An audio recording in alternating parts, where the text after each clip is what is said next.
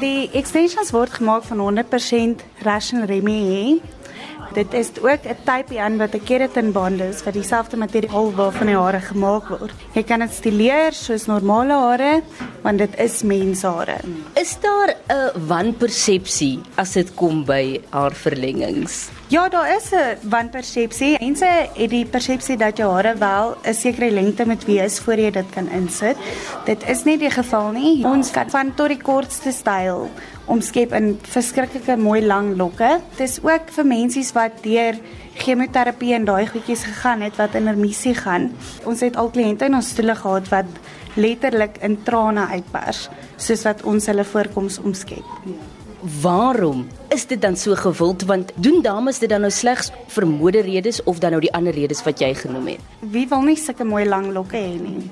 Die dik boshare, jy vat dit van 'n vrou wat dalk bietjie haar verlies het as gevolg van stres, vandag se lewe. Dit verander heeltemal jou voorkoms en op die einde van die dag jou hare is jou kroon. Kom ons stop nog gou hier by die proses van haar verlengings. Hoe presies word dit ingesit en hoe moet dit dan ook versorg word nadat dit ingesit is? As jy kyk daarna, dis soos 'n toebroodjie konsep. Die extension self is die brood en jou eie hare is die kasie wat tussen die twee broodjies gaan. En dan sit jy hom vas met 'n typie en jy vat net die straightener en jy brand hom net so klein bietjie vas net om die ding te seël om die hare en dan die versorging gaan jy moet baie mooi versorg. Jy moet dit natuurlik baie borsel anders kook dit. Mm. Maar mense dink dis 'n baie strenuous proses, maar dit is glad nie. Mm.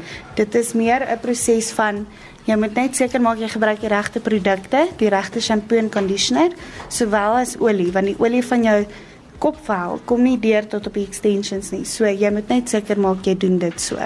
Wat is dan van die foute wat dames wel maak as dit kom by haar verlengings? Jy het nou wel 'n paar genoem dat die borsel is glo 'n groot aspek waarna hulle moet omsien. Een van die ander goed is ook jy moet jou navorsing doen voor jy na iemand toe gaan wat jou verlengings doen. Jy moet na iemand toe gaan wat spesifiek net spesialiseer in extensions.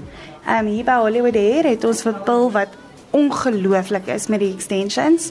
En dan het sy ons as span agter haar wat spesialiseer in die kleur om natuurlik seker te maak die hare pas by die extensions met kleur. Dit was nog 'n interessante punt wat jy uitgelig het. Is ons almal se haarkleur is nie dieselfde nie. So hoe gemaak om die verlengings dieselfde kleur as of jou hare te kry of moet jy jou hare kleur om by die verlenging se kleur te pas? Wel dit hang af. Ons spesialiseer elke kleur volgens elke kliënt se spesifikasies wat hulle vir ons gee en ook dis hoekom 'n konsultasie so belangrik is. Mm. Want wanneer die kliënt in pil se stoel kom sit, vir haar verlengings, dan moet sy gewoonlik uitwys op 'n kleurkaart wat se kleur extension sy wil insit. En dan kan 'n mens altyd gaan en sê, "Oké, okay, weet jy wat? Ons vat jou haarkleur van hierdie na hierdie om dit by die extensions te pas of sy kies 'n extension wat klaar by haar eie haarkleur pas." So dit is wat dit so lekker maak.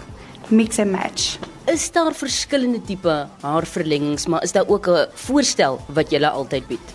Maar kyk, daar is vier verskillende metodes wat jy kan doen. Dit is die micro ring wat strengetjie vir strengetjie is. Ons doen dit ook.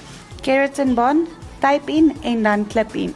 Maar hier stel ons definitief voor dat die type in extensions gebruik word want dit is die minste beskadigend op jare.